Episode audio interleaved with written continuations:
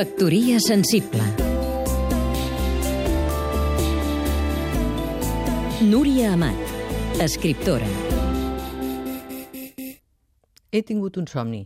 El meu pare explicant-me quan segles enrere els reis catalans van estendre els seus territoris per Mallorca, València, Còrsega, Sardenya, Nàpols i el nord d'Aragó.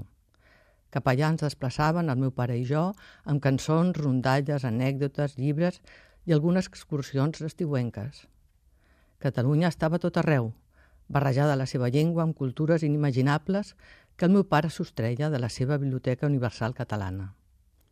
Amb tot, les nostres demarcacions preferides de la marca hispànica eren les comtats de Languedoc, Rosselló, de la vella Catalunya Nord, que no deixaven de visitar almenys una vegada a l'any. També a Perpinyà, Seret i l'Alta Cerdanya ens sentíem a casa i orgullosos ens agradava desvetllar la nostra afinitat absoluta amb la Catalunya occitana. Montpellier, Tolosa, Carcassona formaven part del nostre itinerari familiar i polític. Franco, el dictador, ens tancava portes i nosaltres les obríem. Érem Europa.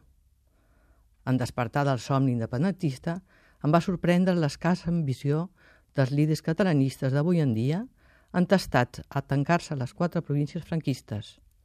Així no jugo, vaig decidir. Factoria sensible. Seguim-nos també a catradio.cat